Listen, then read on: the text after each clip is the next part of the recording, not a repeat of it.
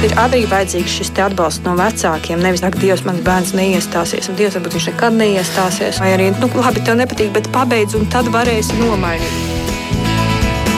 Mēs tiekamies ģimenes studijā.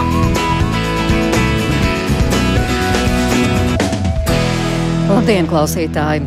Šī diskusija vecāku starpā aizsākās svētkos, kad daudzās ģimenēs radās jautājums atļaut savam tīnim sagaidot jauno gadu, piemēram, pacelt šampaniešu glāzi, vai tomēr nē. Un sociālajos tīklos varēja lasīt, ka ir vecāki, kur saka kategorisku nē, kamēr bērns nav kļuvis par pieaugušu un sasniedz 18 gadu vecumu. Bieži izskanēja arī viedoklis, ka godos vecāku klātbūtnē jau var arī 14, 15 un 16 gadīgie, lai pagaršo labu un nedzer ar draugiem kaut kur pa krūmiem. Kādai tad būtu jābūt vecāku pareizajai atbildēji, kad pusaudzis lūdz vecākiem, vai var nedaudz pagaršot kādu no alkoholiskajiem dzērieniem? Es mērķis noteņi jautāšu studijas viešņām, un pie mums studijā ir pusauģu resursu centra speciāliste Romija Krēziņa. Labdien! Labdien, Romija studijā! Un pat tālu labdien saku narkoloģijai, kognitīvu behaviorālai terapeitei no veselības centra Vivendi Ilzei Maksimai. Labdien arī jums! Labdien, labdien! Labdien! Bet sākot, gribu tomēr nocitēt kādas anonīmas mammas jautājumu atsaucīgo māmiņu fórumā, un mamma raksta tā. Dēlam nākamgad 16 gadi, vakar pēc vakariņām ar vīru apsēdāmies uz dīvāna, vīrs uzjauca viskiju ar kolu, un dēls pajautāja, vai viņš arī varētu vāju kokteili. Es jautāju, kāpēc? Dēls atbildēja godīgi, esot bijis pie drauga, un kad vecāki neredzējuši, ierāvuši abi ar draugu viskiju un gandrīz apvēmušies. Gribot pagaršot, kā garšo ar kolu, es padomāju un jautāju, bet ja nedošu, nu tu taču tāpat kaut kur, kad būs iespēja pagaršosi, dēls padomāja un atbildēja, gan jau kaut kā, nu, īsāk sakot, uztaisīju vāju, izdzēra pusi un pateica nē. Viņam tāpat negaršo. Nu, tad jautāju speciālistēm. Vispirms skatos uz Romiju. Kāds būtu jūsu komentārs atbildot šai mammai? Kā tad pareizāk rīkoties? Um, nu, pirmkārt, man, manuprāt, ir jāsaprot tas, ka mums Latvijā tomēr nepilngadīgi bērni nevar lietot alkoholu, nevar arī pagaršot alkoholu, un vecāki, nu, piekopjot šādu praksi, viņi patiesībā pārkāpj likumu. Tā ir, tā ir viena lieta. Otra lieta savukārt man šķiet, ka bērnam, it īpaši 15-gadīgam bērnam, ja viņš lieto alkoholu, viņam ir jābūt šai sajūtai, ka tas ir kaut kas, ko nevar darīt. Ka tas ir kaut kas, kas ir aizliegts, ka tas ir kaut kas, kas nav piemērots bērniem un ko viņš nevarētu um, darīt. Un, respektīvi, jābūt šai sajūtai, ka tiek kaut kā, pārkāpta kaut kāda robeža. Ja vecāki mājās uzjauc šo kokteili, šī robeža pazūd. Un, manuprāt, tas, ka šīs robežas nav, ka, ka šī uzvedība Eh, savā ziņā tiek normalizēta no vecāka, eh, nu, manuprāt, tas ir problemātiski. Un, un es noteikti neieteiktu vecākiem šādā veidā izturēties eh, pret bērniem, kuri vēlas uh, savu glāzi ar alkoholu 15 gadu vecumā. Narkoloģe Ilza Maksima, ko jūs te piebilst, kāds ir jūsu viedoklis? Jā, es varu piekrist un arī papildināt tīri jau, jāsaka, no medicīniska viedokļa. Uh, Aizliegums ir spēkā nevis tādēļ, ka kādam patīk, bet tieši tādēļ, ka šeit ir ļoti nozīmīgs toksisks efekts uz dažādām orgānu sistēmām, kuras vēl ir izaugsmes procesā, attīstības procesā un alkoholiskā. No alkohola klātbūtne ķermenī nu nekādā veidā neveicina šī jaunieša attīstību.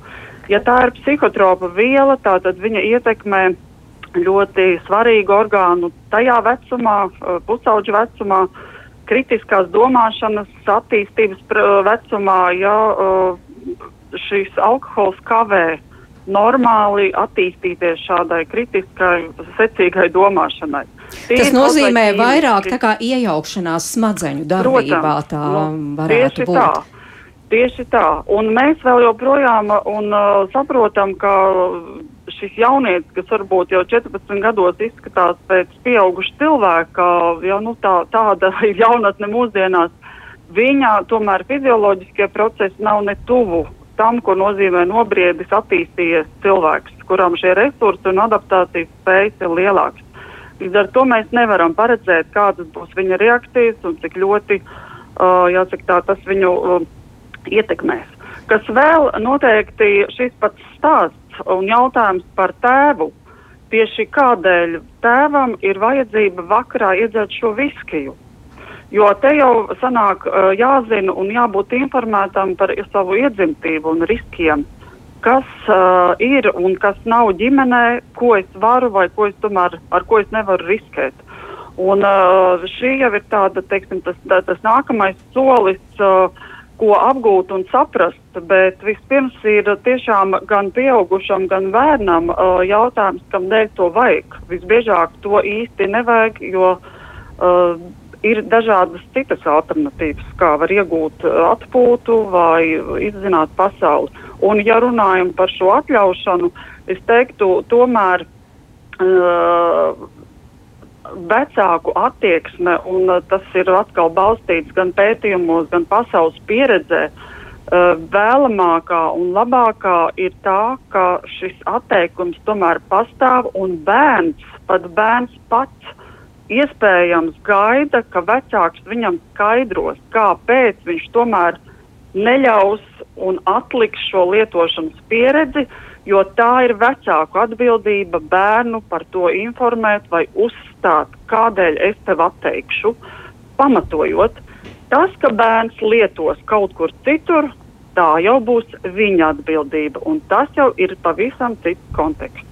Jā, protams, bet tātad šis vecāku skaidrojums, jūsuprāt, arī varētu būt eh, par ietekmi uz veselību, piemēram, vai ne, kā piemēram, jūs minējāt? Jā, jā bet piemēram, tā ietekme varētu būt pat, ja tas pagaršošana ir tikai nedaudz un tikai pa lieliem svētkiem? Eh, ja mēs raugamies uz alkoholu, tomēr kā vielu, nav runa par garšu. Ir runa par psihoaktīvās vielas ietekmi uz, uh, no uz psihisko stāvokli. Jo kā mēs teiksim, pieaugušie cilvēki uh, tomēr runājam, jā, uh, uh, ir, nu, jāsaka tā, šī piesaiste šim dzērienam rodās ne jau tikai, uh, nu, jāsaka, vai tas ir ēdiens vai tas ir pasākums, īstenībā jau runa ir par viņa šo efektu. Vai mēs gribam atbrīvoties, vai mēs gribam uh, atpūsties vai aizmigt, alkohols ir depresants. Un ja viņš ietekmē uh, mūs, uh, nu, teiksim, vai ļauj just mazāk negatīvas emocijas, vai ļauj mazināt sasprindzinājumu. Mēs šo alkoholu sākam lietot ne jau garšas dēļ, bet tādēļ, ka viņš mūs kaut kā ietekmē. Ļauj tā ļoti ātri, vienkārši atrisināt kaut kādu problēmu. Un uh, bērns ir ļoti vērīgs cilvēks, jāsaka tā. Viņš uh, dzīvo ar emocijām. Tas ir pamats izdzīvošanas elements kamēr vēl tā domāšana nav abstrahējusies vai attīstījusies. Viņš dzīvo, dzīvo ar emocijām. Un, ja tētim, piemēram, seja ir diezgan smagnēja un drūma atnākot no darba, bet iedzerot šo te viskiju klāstu, pēkšņi viņam varbūt gribās pajokot. Bērns uh, redz, ka šis kontakts ar tēti varētu izdoties labāk. Kāpēc, lai neatkārtot šādu uzvedību? Secinājums ir ne jau par garšu, secinājums par to, kas mainās, ja es to darīšu. Un eh, te jau ir, nu, nu jāsaka tā, drusku dziļāk jārok. Eh, jautājums varbūt vienkārši, es gribu pagaršot, bet uh, vecākam tomēr ir, um, nu, jāsaka tā, jāspēj uh, saprast dziļāku jēgu tajos bērnu jautājumos. Viņam tam ir jāatrod laiks, jo viņš sevi sauc par vecāku. Jā, Romija, varbūt eh, jūsu versijas, eh, kas varētu būt šī dziļākā jēga, kāpēc vispār bērns prasa, mm -hmm. nu vai es drīkstu pagaršot? Eh, nu, pusauģu vecums vispār, protams, ir raksturīgs. Pusauģu vecumā ir normāli gribēt eksperimentēt, gribēt pārbaudīt robežas, pasaules robežas, vecāku robežas, savas robežas, draugu robežas. Un šis jautājums, vai es, vai es varu pagaršot, eh, viņš patiesībā būtu no pusauģa nu, salīdzinoši diezgan normāls jautājums, vai es varu pagaršot. um, nu, mums, mūsu vecāku pienākums tomēr ir saprast uh, un, un nodrošināt šo pāraudzību uh, un, un tātad bērna nu, veselīgas attīstības nodrošināšanu un, un pateikt viņam, ka nē, tu nevari pagaršot, un es tev izstāstīšu, kāpēc. Um, kā jau arī doktori pirms tam minēja. Um, jā, bet nu, otrā svaru kausā vienmēr tās bažas, jo, ko arī pēc tam arī sociālos tīklos daudz vecāki teica, bet nu tad labāk, lai tajā ģimenes lokā kontrolēti nedaudz labu alkoholu, nevis sliktu kaut kur pa krūmiem, tā teikt. Atceroties, protams, arī savu pieredzi, jā, mani vecāki bija strikti, viņi neļāva, nu tad mēs ar draugiem tur, protams, vispār bez robežām to darījām. Jā, nu tas, tas, ko mēs, mēs nesen pusauģu resursu centrā arī taisījām atkarību profilaks intervenciju un skatījāmies, nu, kā, kas tad ir tie iemesli un, un kas ir tie nu, galvenie tātad, riska faktori gan audzināšanā, gan arī, arī iekšējās tātad, personības struktūrās jaunietim, kas rāda šo paaugstināto atkarības risku. Un, un, nu, es domāju, ka neviens nebūs pārsteigts, ka paaugstinātu atkarības risku nerada tas, ka vai, vai mēs mājās, vai jaunietis ir pagaršojis kvalitatīvu alkoholu, vai viņam vecāki ir ļāvuši pamēģināt, un tad, ja ir, tad viņam šī atkarība nebūs. Ne? Uh, nu, patiesībā, kā jau arī doktori teica, kad atkarība ir daudz sarežģītāks jautājums. Ja mēs domājam konkrēti par audzināšanu, tad tur ir iesaistīti gan šī uzraudzība, gan tātad konkrēta noliedzoša attieksme pret alkoholu lietošanu bērnu vecumā un arī pusauģu vecumā. Tāpat tās tur būs attiecības, kas ir bērnam ar vecāku, ģimenes konflikti, vecāku alkohola lietošanas paradumi, tātad cik bieži, cik daudz šāda te ikdienas lietošana būs viens no galvenajiem riska faktoriem. Savukārt individuālie bērni bērna faktori, um, nu, tas, ar ko mēs strādājam šajā atkarības profilaks intervencē, um, ir, ir šīs te tādas, tādas personības um, struktūras un kādā veidā persona, um, ja personība pār, uh, pārvar stresu. Un, uh, tas, ar ko, ko mēs esam uh, atraduši, un arī, arī citi pētījumi ir atraduši, tad mums ir aptuveni tādi četri galvenie stūrakmeņi. Viens būtu um, tas, ka uh, jaunietim ir bieži, biežas automātiskās negatīvās domas, respektīvi viņš cīnās ar, ar negatīvajām domām par sevi, par pasauli, um, par, par savām iespējām. Uh, nākamais būtu trauksmes sensitivitāte, respektīvi jūtība pret šo, šiem trauksmes simptomiem, satraukumiem dažādās gan sociālās situācijās, gan arī, arī ikdienas funkcionēšanā. Trešais savukārt ir nu, dažādi simptomi, kas saistīti ar emociju regulāciju un, un tieksmi pēc dažādām tātad, adrenalīnu vai, vai tātad, stimulus, tādām meklējošām uzvedībām, vai, vai nu, respektīvi tieksmi pēc, pēc nu, kā, tā teikt, tāda ek, nedaudz eksplozīvāka personība ar, ar grūtībām regulēt un pārvaldīt savas emocijas.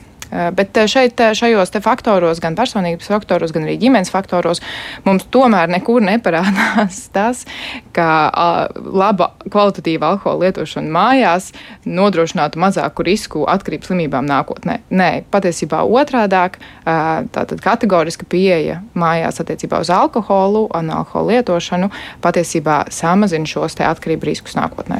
Mēs jautājām, starp citu, arī Twitter lietotājiem pirms šī raidījuma, no kāda vecuma jaungadā vai citās svinībās pusauģiem ģimenē piedāvājat pagaršot šampanieti vai kādu citu alkoholisko dzērienu. Un uh, tad atbildes bija šādas, protams, nepretendējam uz aptauju, bet nu, tāda mini, mini aptauja. Tātad tikai no 18 gadu vecuma atbildēja 27,7%, kad pusaudzis pats jautā, tad atļaujam 43,1%, vienalga, ja malko mājās 12,2% un tad cits variants 17%. Nu, tā tad iznāk vairāk nekā puse, tomēr atbildēja, ja jautā, nu jā, tad, tad tā kā atļaujam vai vienalga, nu ja tas notiek mājās, tad atļaujam. Jūs tas pārsteidz? Romija? es domāju, es domāju man, man patiesībā tas nepārsteidz, jo nu, pirmkārt mums ir jāatcerās tas, ka mums ir viena no vissliktākajiem rādītājiem alkohola patēriņa ziņā, gan nu, Eiropā pilnīgi noteikti. Arī pusauģa alkohola patēriņa ziņā mēs esam līderi, tā teikt, patērētajā alkohola daudzumā un biežumā. Un, un es, es domāju, tā būtu nu, tāda iespējams datos balstīta spekulācija, ka mums alkohola lietošana ir normalizēta. Tad, ja mēs esam paši normalizējuši šo alkohola lietošanu gan pusauģu gados, gan arī ikdienā, tad cik mēs vispār objektīvi spējam novērtēt nu, kaut kādas savas prakses attiecībā uz alkoholu? Narkoloģe Ilza Maksima, jūs esat pārsteidz? Īstenībā tomēr nē, jo kas man īstenībā tā man vairāk ir atbilde, cik tomēr mūsu sabiedrībā ir nu, jāsaka, tā traumēta, ietekmēta pašpārliecinātība, pārliecība par to, ka es varu veikt individuālas izvēles balstoties savā savā zināšanās, man ir izpratne par lietu procesiem, par saviem riskiem. Es teiktu, šāda vecāku atbilde drīzāk liecina par to, ka vecākiem šādas informācijas trūkst. Tāpēc, saskaroties ar konkrētu jautājumu, nav citas atbildes nu, šiem 40% kā piekrišana, jo nu, es negribu būt slikts. Jā, jā vecāks starp citu saka, viņi grib saglabāt jā. labas attiecības ar saviem pusauģiem. Tieši tā kā jūs jā. sakāt. Jā, jā bet, teiksim, te var apskatīties, arī tas ir no literatūras, nu, katrs vecāks ir unikāls, bet tomēr vecākus savā ziņā var sadalīt tādās kā četrās, čet, četros audzināšanas stilos, un, un katram ir Eh, saka, savus mīnus, savus plusus. Piemēram, eh, šie autoritārie vecāki, ļoti stingrie vecāki. Ja? Viņiem it kā ir augsta kontrole, dažādi noteikumi, disciplīnas, bet šeit ir tā grūtība, ka viņi emocionāli nekontaktē ar bērnu. Ja? Viņi varbūt nav tik jutīgi un uh, nu, mīlestību dodoši vai tādi saprotoši, palīdzoši. Uh, šeit ir tātad noteikts nē, bet tad, kad bērnam vajadzīga palīdzība vai viņš uh, netieši varbūt sniedz tādu uh, nu, signālu, uh, vecāki uz to nereaģē, jo viņi, nu, viņi nesaprot, viņi nesaprot šo viņu vajadzību. Uh, un tad ir bieži bērni, kas varbūt pēc tam noraujās, teikt, kā no ķēdes, un tad uh, sākās. Tā kā īstenībā te ir atkal jautājums, uh, vai pamanīju, ka manam bērnam bija problēmas, nevis vienkārši aizliedzu, radot pseido drošības sajūtu. Tad ir arī otrais visatļautīgie vecāki, ja, kas varbūt ļauj visu, tā kontrole ir zema, disciplīna nav, uh, bet toties ir ļoti liela tāda pieņemšana, uh, mīlums, uh, brīvība, bohēma, viss ir skaisti, bet šajā gadījumā bērnam arī pazūd robežas sajūtas, ko, uh, un izpratni par riskiem, par kaut kādiem ilgtermiņa Uh, nu, seku konstatācija, jā, ka, nu, ok, bohēma savā ziņā kaut kur varbūt ir derīga, bet ja mēs uh, uh, riskējam ar to visu par daudz, uh, nu, ilgtermiņā var būt kaut kādas sekas. Un vecāks tātad rāda ar savu piemēru vai stāsta bērnam, ka, uh, ka tas nebūtu ok. Šajā gadījumā tas nenotiek. Un te var būt atkal dažādi scenāriji. Nu, ir arī vecāki, kuriem vispār viss vienalga, vai viņu, viņu var nedisciplinēt, viņu var um, nesamīļot, nu, jāsaka, tie gandrīz kā ielu bērni, ja viņi aug kādā vidē, viņi vienkārši nonāks. Kādas būs šīs te, nu, kā tāds plastilīns, jā, kur viņi nonāks, tā par to viņus arī uztaisīs, kas ir diezgan sāpīgi. Un tas ceturtais, labākais variants ir šie autoritatīvie vecāki, uh, kas iekļaus sevī tādu abējādu pieeju. Ir gan uh, pietiekami augsta kontrola un disciplīna, bet arī ir pietiekami labs tāds uh, mīluma, mīlestības izpratnes pieņemšanas, um, nu, uh, pie, pieņemoša audzināšanas veids, kur viņa tomēr māca bērnam uh, atšķirības starp slikto un labo, uh, novērtē to, ka viņš ir pietiekami labs, un tas ir lieliski. Nevis kā desmitnieks ir labi, bet varbūt arī seši ir pietiekami labi, un par to viņš ir nopelnījis labu vārtu, novērtējumu un, un kaut ko, jo mēs nezinām, kāda ir skolotāja vai kas tur, teiksim, kas ar to bērnu ir noticis. Varbūt viņš ir iemīlējies, viņš nevar, nevarēja iemācīties kaut kādu dzējoli vai formulu. Vecāks tajā mirklī nu, uh, pieslēdzas ar, mm -hmm. uh, ar sapratni, bet saglabā kaut kādus konkrētus noteikumus, ka ne, ir kaut kādas tabū lietas tieši tādēļ, ka nu, izaudz un tad pats padomā, vai tu to darīsi vai nedarīsi. Nu jā, alkohols tiešām tā tad ir šī tabū lieta, un ģimenes studiju uzrunāja skolotājs Elgus Krastiņu. Viņa ir arī divu bērnu, desmitgadnieku un septiņgadīga mamma, un viņas nostāja tiešām ir strikta. Bērni drīkst pagājušot alkoholu tikai tad, kad to atļauj likums, tātad sākot no 18 gadu vecuma. Lūk, arī viņas stāsts, kāpēc tā. Bērniem mēs noteikti mācām vērtības, un viena no vērtībām ir ievērot likumu. Mēs neatbalstam nekāda veida likuma pārkāpumu, un arī šīs nebūs tā kā izņēmums. Bērni, protams, zina, kas ir alkohols, jo viņi to ir gan redzējuši sabiedrībā, gan tāpat televīzijā ir alkohola reklāmas, gan arī draugi, protams, ik pa laikam kaut ko pastāsta par to, kā mājās notiek un tā tālāk. Viņi zina, kas ir alkohols, viņi apzinās to, ka tas ir pieaugušo dzēriens. Mēs viņus izglītojam un stāstam viņiem par to, ka tas tiešām ir pieaugušo dzēriens, kas attiecās tikai uz pieaugušiem, un pieaudzis bērns kļūst tikai tad, kad viņam pēc likuma paliek 18 gadu vecums, līdz ar to attiecīgi uh, mājās šādas lietas mēs nelietojam, arī mācam to, uh, kāda ir alkohola negatīvā ietekme, ka patiesībā arī pieaugušiem nevajadzētu alkoholu lietot, jo tas nav nekas labs un uh, neko labu patiesībā nedod nevienam cilvēkam. Es esmu arī savā dzīvē pieredzējuši sekas, ar kādiem saskarās gan bērni, gan jaunieši, kad ir palietojuši kaut vai vienu alkohola glāzi, to mēs nekad nezinām, kādas sekas atstās alkohols uz um, augoša bērna bērna organismu, un ar to šīs ļoti striktas robežas, ko mēs mājās ievērojam. Un eh, patiesībā es zinu, ka ir daudzi viedokļi, ka labāk pamēģināt mājās, labāk, lai viņi zina mājās, bet um, jaunieši, ar kuriem mēs esam strādājuši, pirmkārt ir teikuši, ka šī ir vislielākā vecāka kļūda, ko vecāki ir pieļāvuši, atbalstījuši atklāti alkoholu lietošanu un sākuši to atbalstīt jau um, esot bērnu vecumā un tā kā mājās. Jo, ja mēs um, bērnam atļaujam to darīt mājās, tad mēs piekrītam, ka, uh, ok, viņš var lietot, tad mēs neapzināti pasakam viņam, ka viņš viņu var lietot, vienalga, ka viņam 14, 15, 16 gadi, jo, protams, ka jauniešiem rodas dabiska interese par alkoholu, bet viņam jāsaprot stingras robežas, ko nosprauž vecāki. Neviens cits tās nenospraudīs, tikai vecāki. Un mēs arī apzināmies, ka iespējams radīsies situācija, ka viņš vēlēsies pamēģināt ārpus mājas, Un mēs arī stāstam, ka tāda situācija var rasties, bet mūsu viedoklis ir, ka viņam to nevajadzētu darīt. Bet, ja tāda situācija radīsies, tad noteikti ir mums tas jāizstāsta, kad noteikti mēs varam vērsties pie palīdzības, ja tāda nepieciešamība radīsies, bet vērtības iemāca ģimenē. Un šī ir pieredze, ko es esmu pieredzējusi gan kā pedagogs, gan uh, kā mamma, gan arī pati, kad bērnībā augu, kad vērtības tas, ko mēs iemācām ģimenē, un vērtības ir jāsaprot.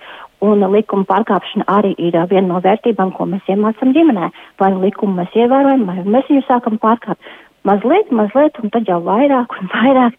Tad attiecīgi jautājums, tad kāpēc vispār mums sabiedrībā likumiem mēs jau bērniem mācām viņus pārkāpt.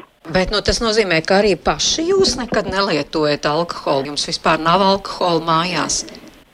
Nu, mēs esam ģimene, kas tiešām alkoholu lieto tikai uh, izņēmumu gadījumos svētkos, bet uh, ikdienā mēs tiešām nelietojam alkoholu, arī bērnu klātbūtnē mēs to nedaram. Mēs vispār neatbalstām alkoholu lietošanu bērnu dzimšanas dienās. Es zinu ģimenes, kuras tā dara, bet mēs to nedaram. Un šī mums ir tā pārliecība, kā mēs dzīvojam. Mums tiešām nav nekādu jautājumu par to, kāpēc vajadzētu viņu lietot. Bet uh, bērni, jūsu bērni, nu jūs teicāt, jūs daudz par šo esat runājuši, viņiem stāstījuši. Jā. Kāds ir viņu viedoklis? Viņi ir kaut ko par to teikuši. Jā, man, pieņemsim, desmitgadīgais puika, viņam jau desmit gadu, un tas jau sākas agrīnais pusauģu vecums, kad, protams, kad rodas kaut kāda interese par to, jo draugi taču tur ir stāstījuši, ka viņi mājās tur varbūt lieto un tā. Mans vecākais bērns, viņš pat nejautā, Eh, ka viņš gribētu pagāšot vai tam līdzīgi, un viņa tā nostāja ir, eh, ka alkohols tiešām nav nekas labs un neko labu tas cilvēkam nedoda. Un, uh, jā, viņam nav tāds jautājums radies, un mazākais bērns patiesībā par to vispār nav neinteresēs, viņam ir septiņi gadi. Jā, jā. jūsu bērni vēl ir salīdzinoši mazi, tas jautājums droši vien varētu parādīties, ka viņiem būtu kāds 16 gadi, piemēram. Jautājums noteikti parādīsies jau, kad būs 13, 14 gadi noteikti, bet um, tā kā mēs par to runājam, ik pa laikam, tad, kad pieņemsim kaut kādas pasākumus, ir vai reklāma televīzijā vai kinoteātrī, ik pa laikam ir kaut kāds reklāmas, ko bērni redz arī ārā uz ietves, tad viņi, piemēram, pajautā kaut kādu dzērienu nosaukumu, kas tāds ir, tad mēs paskaram, tas ir alkohols, alkohola to pieaugušana, tas nav nekas labs, jo neko labu tas tāpat cilvēkam nedod. Bet ja parādīsies jautājumi, kad viņš būs pusaudzis, vai viņš var tur pamēģināt. Attiecīgi mums tāpat tās būs tā nostāja, kādu tu vari mēģināt, ka tev 18 gadi ir likumiski, tad to var darīt. Ja tu to darīsi ātrāk, tad tev jārēķinās ar sekām, kādas iestājās likuma noteiktajā kārtā.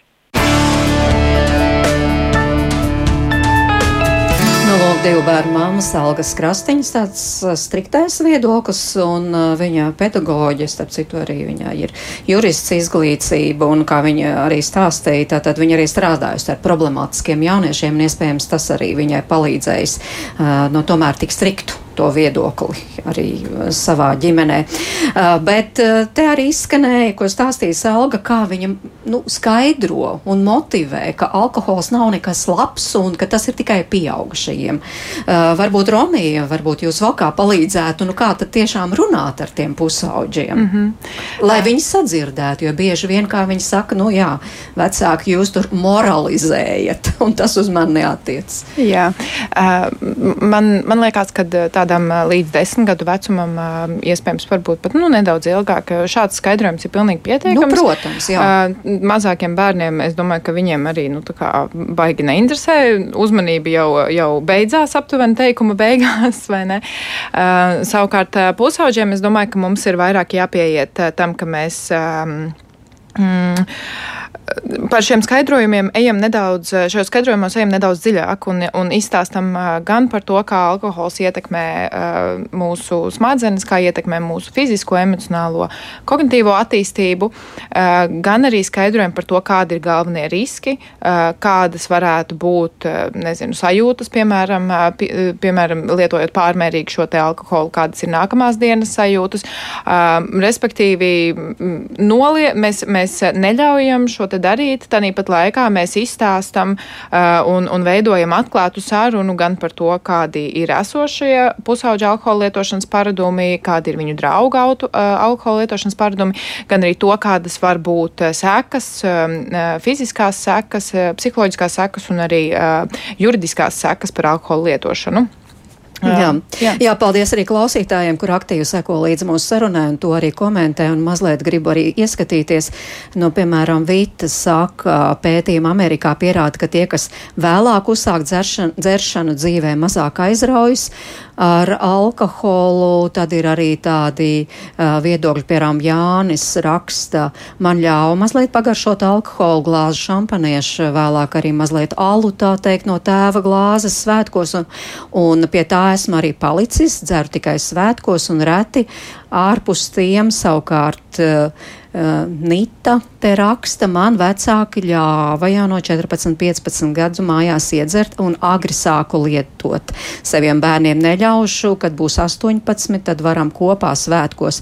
Vispār vajadzētu skolā izglītot, bet moderni, nevis vecmodīgām metodēm. Te ir arī viedoklis, Jāneka viedoklis, ka alkohols mūsdienu jauniešiem tā jau vairs nav problēma, viņi aizraujas ar citām lietām. Uh, Un uh, tad arī te, piemēram, ir tā, ka mums Nora rakstīja, grib atrast viņas, ka, piemēram, Šveicē bērni no 16 gadu vecuma var pirkt alkoholu un lietot, proti mazgrādīgo vīnu, alu sidru. Francijā no 16 gadu vecuma drīkst dzert vīnu, ja tu esi ģimenes lokā ar pieaugušiem.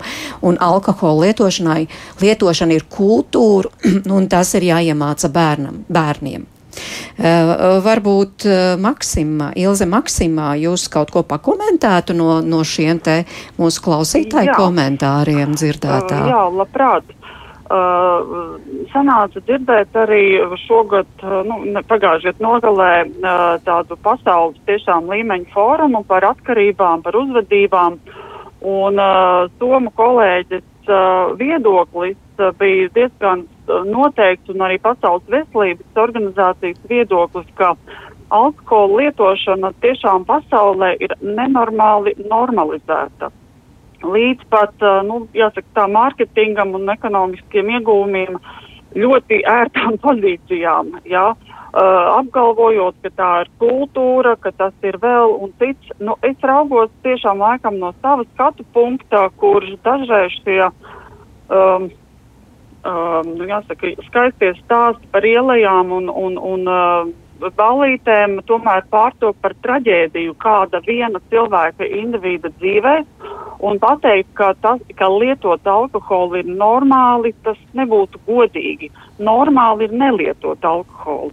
Bet zināt um, savus riskus, uh, zināt kaut kādas šīs lietošanas devas un apjoms, un kad es to varu vai kad es nevaru, kad es izvēlos, kad es tomēr to neizdaru, tā jau būtu tiešām tāda cilvēka kultūra, izpratne, inteliģence par uh, savām attiecībām ar alkoholu.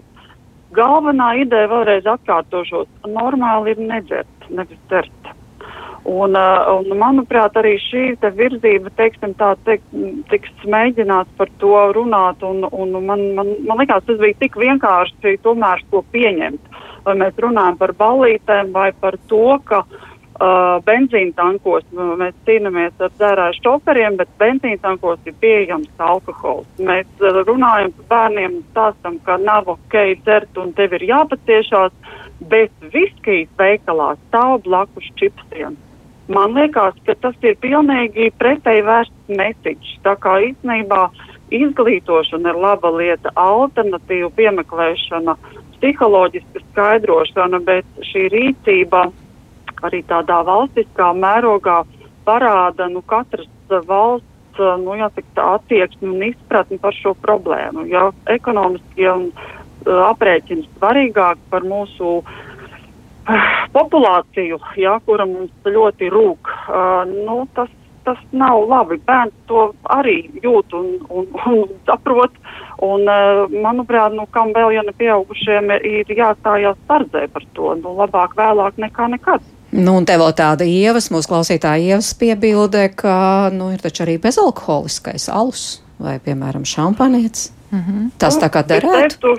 Šobrīd uh, dažādas bezalkoholiskās limonādes uh, dzērieni ir, manuprāt, ļoti labi. Nav jādzer tikai sula vai ūdens, jā, vai tēja. Tagad var atrast. Protams, kaut kur ir arī mārketinga triki un ražotāji tie paši, kas ražo alkoholu, mēģinot jau veidot nākotnes pircēju, nu, bet okay.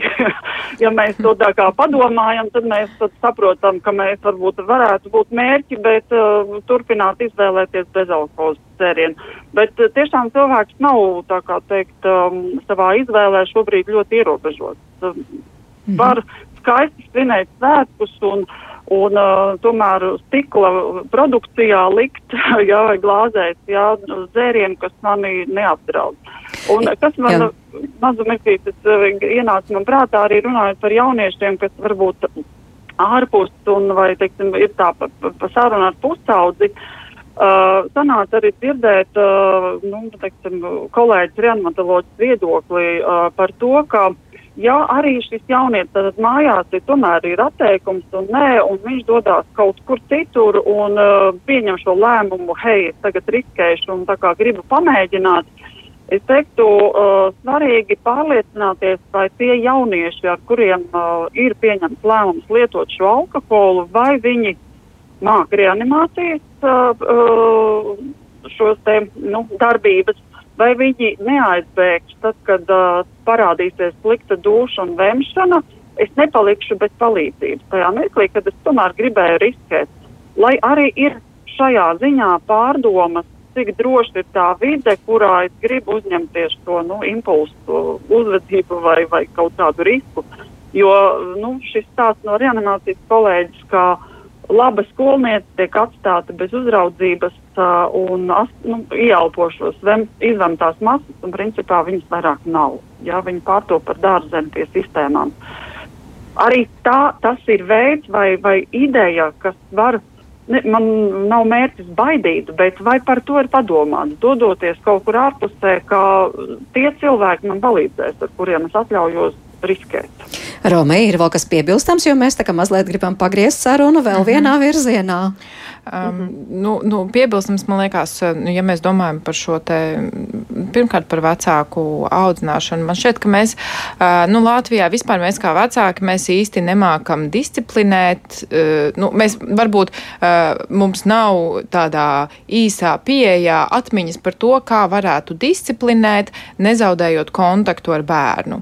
Un man liekas, ka tā tomēr ir tāda lieta, kuru mums visiem kopā ir uh, jāmācās, kā pateikt bērnam nē, bet nezaudēt šo te kontaktu, kā kaut ko aizliegt, bet nevis dusmojoties, um, nezinu, pazemojot vai, vai lamājoties, bet aizliegt un turpināt saglabāt šo te kontaktu, turpināt saglabāt šīs emocionāli siltās attiecības. Jo tā ir viena no šīm te vecāku prasmēm, kuru, manuprāt, mēs, mēs iespējams um, nemākam un, manuprāt, kad arī to ir ļoti grūti iemācīties. Nu, tā teikt, tā teikt tāda, tāda uh, maiga, maiga, bet konkrēta un stingra disciplinēšana, uh, kas attiecībā uz alkoholu varētu būt ļoti svarīga. Atgādāšu mūsu klausītājiem, ka šodien pie mums studijā ir Romija Krēziņa no Pusauģu resursu centra un Ilze Maksima, kas ir narkoloģija, arī kognitīva behaviorālā terapeite. Un šobrīd pat tālruni mūsu sarunai pieslēdz arī Rīgas dzemdību nām ginekoloģa, dzemdību speciāliste, arī Latvijas ginekologu un dzemdību speciālistu asociācijas prezidente Vija Veisa. Labdien arī jums ģimenes studijā! Labdien! Eh, kādu brīdi, cerams, dzirdējāt, eh, ko mēs šeit runājām, vai jūs tikpat strikti runātu arī par grūtniecēm, kurās, kur reizēm arī izskan, nu, vienu vīna glāzi jau var, vai jūs arī tikpat strikti teiktu, nē, nevar? Paldies par sarunu. Jā, es tiešām ar interesi klausījos. Un, uh, Un, ja, ja jārunā par grūtniecēm, tad jāsaka, ka grūtnieces kā sabiedrības daļa viņa jau nav izolēta. Ja tie procesi, kas notiek sabiedrībā, tie notiek arī, arī grūtnieču vidū, tātad jaunu, reproduktīvā vecuma sieviešu vidū. Un šī, šis te teikums par to, ka alkohola lietošana mums ir normalizēta un lielai daļai tā ir, tā ir, tā ir norma, ir, ir, ir iedzert nevis otrādi. Protams, ka tas attiecās arī, arī uz šīm sievietēm, kuras kaut kādā brīdī vēl nav grūtnieces, un tad viņas kļūst par grūtniecēm. Un, Un jāsaka, jā, nu, uzreiz turpinot šo, arī gatavojoties šīs dienas sarunai, es varēšu pārskatīt, ko tad saka lielās veselības organizācijas, tajā skaitā Pasaules veselības organizācija, Amerikas šī te mm, grūtnie ginekologu un, un dzemdību speciālistu asociācija arī, arī apvienotāja karalistē ir vienmēr ļoti striktas rekomendācijas par ļoti dažādām, dažādām slimībām, ieteikumiem un, un, un un uh, veselības stāvokļi, tajā skaitā par grūtniecību. Aizvien uh, nu, tas, uh, tas absolūti vienotais motīvs ir par to, ka nav zināmas tādas drošas devas, kuras tad grūtniece varētu lietot un uzskatīt, ka nu, nekas nav kaitīgi. Jo skaidrs, ka ir kaitīgi. Uz šiem produktiem ir rakstīts virsū, ka tie kaitē veselībai. Tātad, ja to dzer sieviete un lieto, viņa pirmkārt kaitē sev. Un, un etanols tieši tādā pašā pašā koncentrācijā, kā mammas acinīs, nonāk arī pie bērniņa. Un, bet bērns dēļ tā, ka viņš tad, tad auglis šajā gadījumā vēl viņa tātad, orgānu sistēmas nav nobriedušas tajā skaitā aknas, gan lai arī anatomiski, protams, ir izveidojušās jau no paša krūtniecības pirmā trimestra. Tad skaidrs, ka tāds šūnu briedums, lai varētu etanolu jeb alkoholu padarīt nu, tātad mazāk kaitīgā veidā, šis šūnu briedums nav iestājies. Līdz ar to tātad uzņemtais alkohols augļa organismā tiek, nu, ja tā var teikt, attindēts daudz ilgākā laikā. Ja? Tad, tad bērniņš daudz ilgāku laiku nekā sieviete pati ir pakļauta šim, šim, šai alkohola koncentrācijai asinis. Un otrkārt arī augļūdeņi nonāk, uh, alkohols nonāk arī augļūdeņos. Tātad uh, tas ir šķidrums, kurā atrodas bērniņš, tas ir šķidrums, kurā viņš peld, kurā ir viņa āda, ko viņš arī dzer. Un tātad tas ir vēl viens, vēl viens tāds mehānisms, kas arī padara nu, to laiku, daudz ilgāku laiku, kurā mazulis ir pakļauts alkohola negatīvai ietekmei. Tādēļ drošu devu nav, un es pat nemēģināju kalkulēt, ir, ir kaut kādas teorijas par vienu devu un vēl kaut ko un stāstīt, cik tas ir vīns vai valus. Nu, šī absolūtā atbilde, ka, ka grūtniecēja alkohols noteikti nav jālieto un tas nav droši. Nu, bet ko tas nodara auglim? Droši vien tas jau arī ir skaidrs, jo, jo jūs sakāt striktu nē, un, protams, visi mediķi saka, un it kā šķiet, ka tas jau nu visiem ir zināms, bet atkal ģimenes studijas, vēl viena mini aptauja pirms šī raidījuma, uzrunājām arī Instagram lietotājus, jautājot tieši par grūtniecības laiku. Vai, nu, kā jūs uzskatāt, nu, vai tā viena vīna, laba vīna glāze kādreiz jā vai nē? Nu, tad atbildes ir šāds. Nekādā gadījumā atbildes 69%. Viena glāze nekaitē 12%, un ļoti individuāls jautājums tas ir tie ir 17%. Nu, atkal es mhm. saskaitu kopā 17 plus 12, un tur apmēram trešdaļa.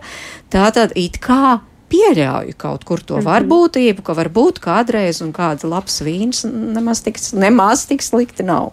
-hmm.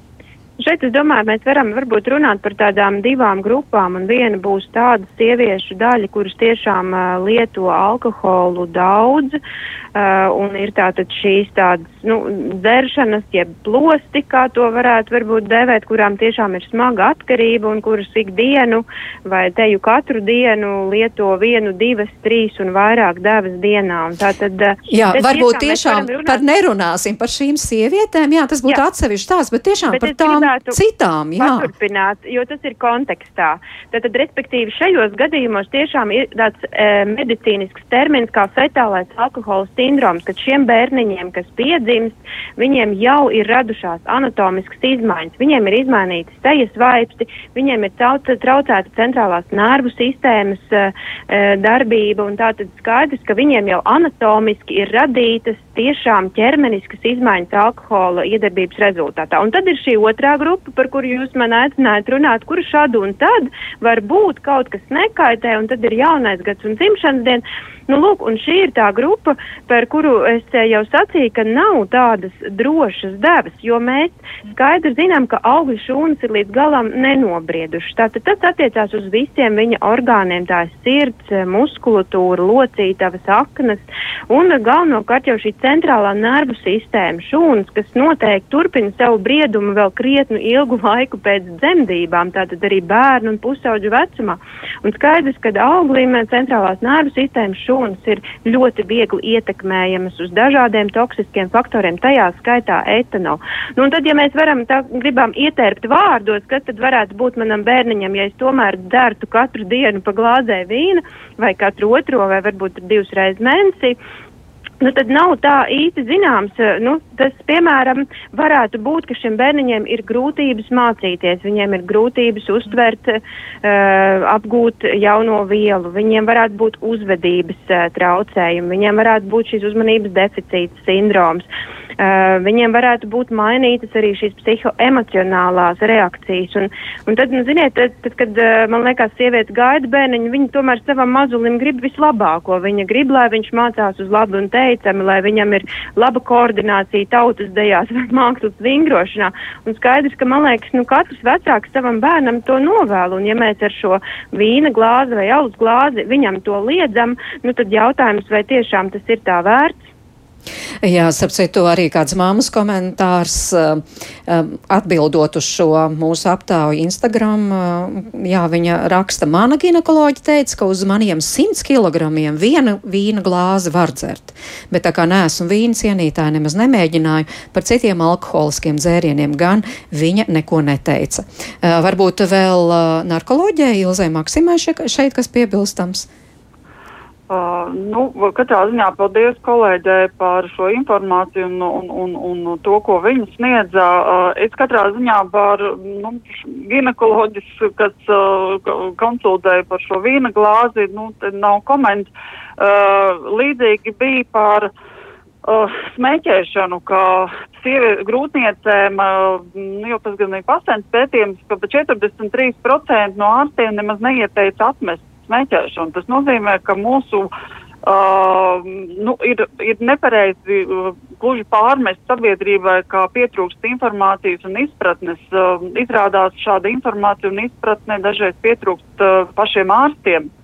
Un, uh, tas darbs arī šeit ir jāturpina, bet uh, jebkura veida grūtības uh, nu, noteikt, kam es piekrītu vai no kā es atsakos, slēpjas tiešām mūsu izpratnēs, mūsu uh, personības, um, nu, jāsaka, tā kritiskajā domāšanā, izvērtēšanas spējās, un šeit izaugsmē cilvēkam principā nav beigu. Viņš uh, var attīstīties bezgalīgi, ja viņš uzdod šos jautājumus vai saskarās ar kādām grūtībām un uzliek šos svara kaustus. Un, uh, Tas nozīmē, ka uh, gan šim, gan ārstiem mums, gan arī sabiedrībai ir iespēja izglītoties, uh, mēģināt uzdot šos jautājumus. Paldies jums, ka jūs arī aktualizējat šo, lai katrs mēs varam padomāt, kur vēl kas ir darāms, vai, vai es uh, piekrītu tai glāzei, vai es tomēr um, izdomāju, ka nē, es uh, nedzēršu un iedzēršu kādu bezalkoholisku limonādi un arī varbūt uh, sarunā ar draudzeni teikšu, hei, kā tev šķiet, varbūt pārējām uz bezalkoholiskām balītēm vai pasākumiem, kas būtu arī ļoti labi pārvērst šo nopietno lēmumu tādā rotaļīgā pieejā, bet domājot par to ļoti globāli un, un, un vēlami. Jā, bija veisa, varbūt eh, ginekologa vēstījumam būtu jābūt tādam, nevis tad, kad sieviete jau gaida bērniņu teikt, nu tad nē, tad atsakāmies, bet varbūt jau pirms tam, gatavojoties šim brīdim, atsakāmies no alkohola. Varbūt tas būtu tas uh, superpareizais variants. Jā, nu, noteikti tas, tas būtu lieliski, bet jāsaka, diemžēl, ka absolūti pārliecinoši mazākā daļa sieviešu atnāk uh, pirms plānotas grūtniecības. Pārsvarā sievietes atnāk jau ar pozitīvu grūtniecības testu, bet šī noteikti ir tā rekomendācija. Tātad atturēties no alkohola lietošanas, no smēķēšanas jau tanī brīdī, kad grūtniecība tiek plānota, un turklāt darīt to abiem partneriem, ne tikai sievietēm sievietei, jo arī vīrieša veselību, vīrieša galu galā spermas kvalitāti arī ietekmē eh, gan, gan alkohols, gan, gan nikotīns un, un pārējās uh, vielas, kas atrodas cigaretēs. Un, es gribētu mazliet varbūt vēl piebilst um, doktorei Maksimai par šo. Ziniet, viens ir arī tas, cik mēs paši kā speciālisti reizēm esam gatavi grūtniecei uzdot šos konkrētos jautājumus gan par smēķēšanu, gan par alkoholu, jo mēs varbūt a priori jau veidojam viedokli, ka nu, te, jau, te jau viss ir kārtībā, jo sievietes jau nevienmēr to stāsta. Tas nav pirmais, ko nes kā karogu uz vizīti. Mm, Tādēļ paldies par šo pamudinājumu tomēr šos jautājumus uzdot un prasīt arī tad, kad mums šķiet, ka te nevajadzētu būt problēmai. Jā, jā. jā, bet mēs šo sarunu sākām tomēr runājot par pusauģiem un par to, vai to vienu glāzi vai pusglāzi vai nedaudz jau var, bet vai ir kaut kāda saistība, nu tomēr tā sieviete, kas ir gaidījusi to bērniņu un ir atļausies šad un tad to vīna glāzi, varbūt laba, tiešām kvalitatīva vīna glāzi, ka tomēr tas bērniņš izaugot, pat ja viņam nav nu, nopietnas veselības problēmas, tomēr tajā pusauģa vecumā būs tas, kurš pamēģinās un kurš pēc tam patiešām gribēs vai lietos nu, šo alkoholu daudz pār mēru un nevarēs apstāties. Vai tur ir kāda saistība? Ziniet, es domāju, ka šeit var noteikti meklēt saistību ar to, jo uh, jautājums, kādēļ sievietei šis vīns ir bijis nepieciešams, tātad jautājums pēc tam, kāda viņa veido šo psihoemocionālo saikni ar savu bērnu, cik bērns jūtas sadzirdēts, kā viņam iet vēlāk ar mācībām, ar viņa šīm psihoemocionālajām reakcijām, kā viņš ģimenē tiek uztverts un saprasts Uh, un, un, un tad arī tas, ko viņš redz tālāk ģimenē, tātad kāda ir šie ģimenes alkohola lietošanas paradumi. Un, un es domāju, ka nu, roku rokā tam, tam noteikti ir, ir saistība. Vai, vai tur tieši ir šīs etanola molekulas atbildīgās par bioķīmiskas atkarības uh, veicināšanu, es jums šī brīdī nevarēšu atbildēt, bet noteikti tas ir kontekstā vērtējams, protams. Ilze Maksima, ir konteksts. Es noteikti gribu bilst, ka atkarība vai šie vielu lietošanas traucējumi ir uh, biopsihosociāla slimība. Tātad arī visi šie rašanās iemesli ir uh, slēp sevi ģenētiku, slēp sevi individuālās īpašības, uh, emocionalitāti, garastāvokli, attieksmi, slēp sevi šo sociālo vidi, kurā tas bērns aug, tā skaitā valsts, valsti, valsts politiku, likumdošanu un veselības aprūpi. Uh, ja ir vairāk risku šajos visos komponentos, tad cilvēkam Diemžēl tā iespēja nonākt slimības valgos un ciest ir daudz lielāka. Ja ir vairāk aizsarga faktori, tad uh, ar varbūt sliktu ģenētisko uh, iespēju vai garīga rakstura grūtībām, ja viņš ir sociāli un medicīniski un likumiski aizsargāts, viņam tomēr ir iespējams dzīvot kvalitatīvāku dzīvi, jo runa ir par dzīves kvalitāti. Nu, visbeidzot, Romija, jums jāliek punkts šai sarunai. Jā. Noklausoties šo visu, ko jūs uzsvērtu kā tiešām svarīgāko no visu šeit izskanējušā, kā padomu gan vecākiem, gan arī uh, varbūt tiem, kur tikai gatavojas kļūt par vecākiem. Mm -hmm. um, jā, nu, manuprāt, eh, viens no tādiem svarīgākiem punktiem ir, ka mēs um, pusauģu vecuma posmā ir normāli eksperimentēt, bet, bet nav normāli normalizēt alkohola lietošanu. Uh, un, un mums, eh, manuprāt, pilnīgi visiem, gan, eh, gan pieaugušajiem, gan pusauģiem, vajadzētu pirmkārt pārdomāt gan savus alkohola lietošanas paradumus, uzskatus par alkohola lietošanu un tā, um, nu, tā teikt, to, kas ir pieņemama alkohola lietošana, kādos daudzumos, kādās devās. Uh, un, un tāpat tās arī pārdomāt uh, savu uzvedību attiecībā uz mūsu bērniem. Šī kategoriskā pieeja būs vislabākā pieeja. Alkohola nedošana līdz 18 gadu vecumam būs pareizākā, gan no likumiskā, gan arī no psihoemocionālā skatu punkta.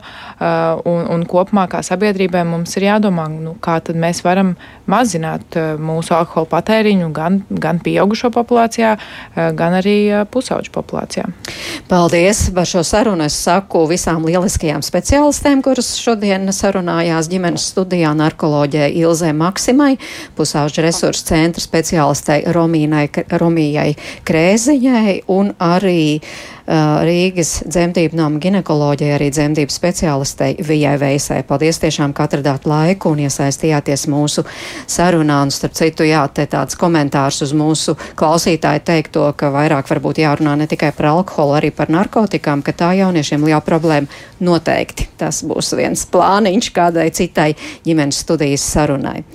Šī raidījuma producenta Ilza Zvaigznē, Smērdz Noteņa bija pie mikrofona un tiekamies atkal rīt 5 minūtes pār diviem. Runāsim, ko ģimenei nozīmē tuvinieks ar demenci kā pieņemt pārmaiņas cilvēkā un kur saņemt atbalstu. Tiekamies un paldies, ka klausījāties un līdzdarbojāties. Visu labu!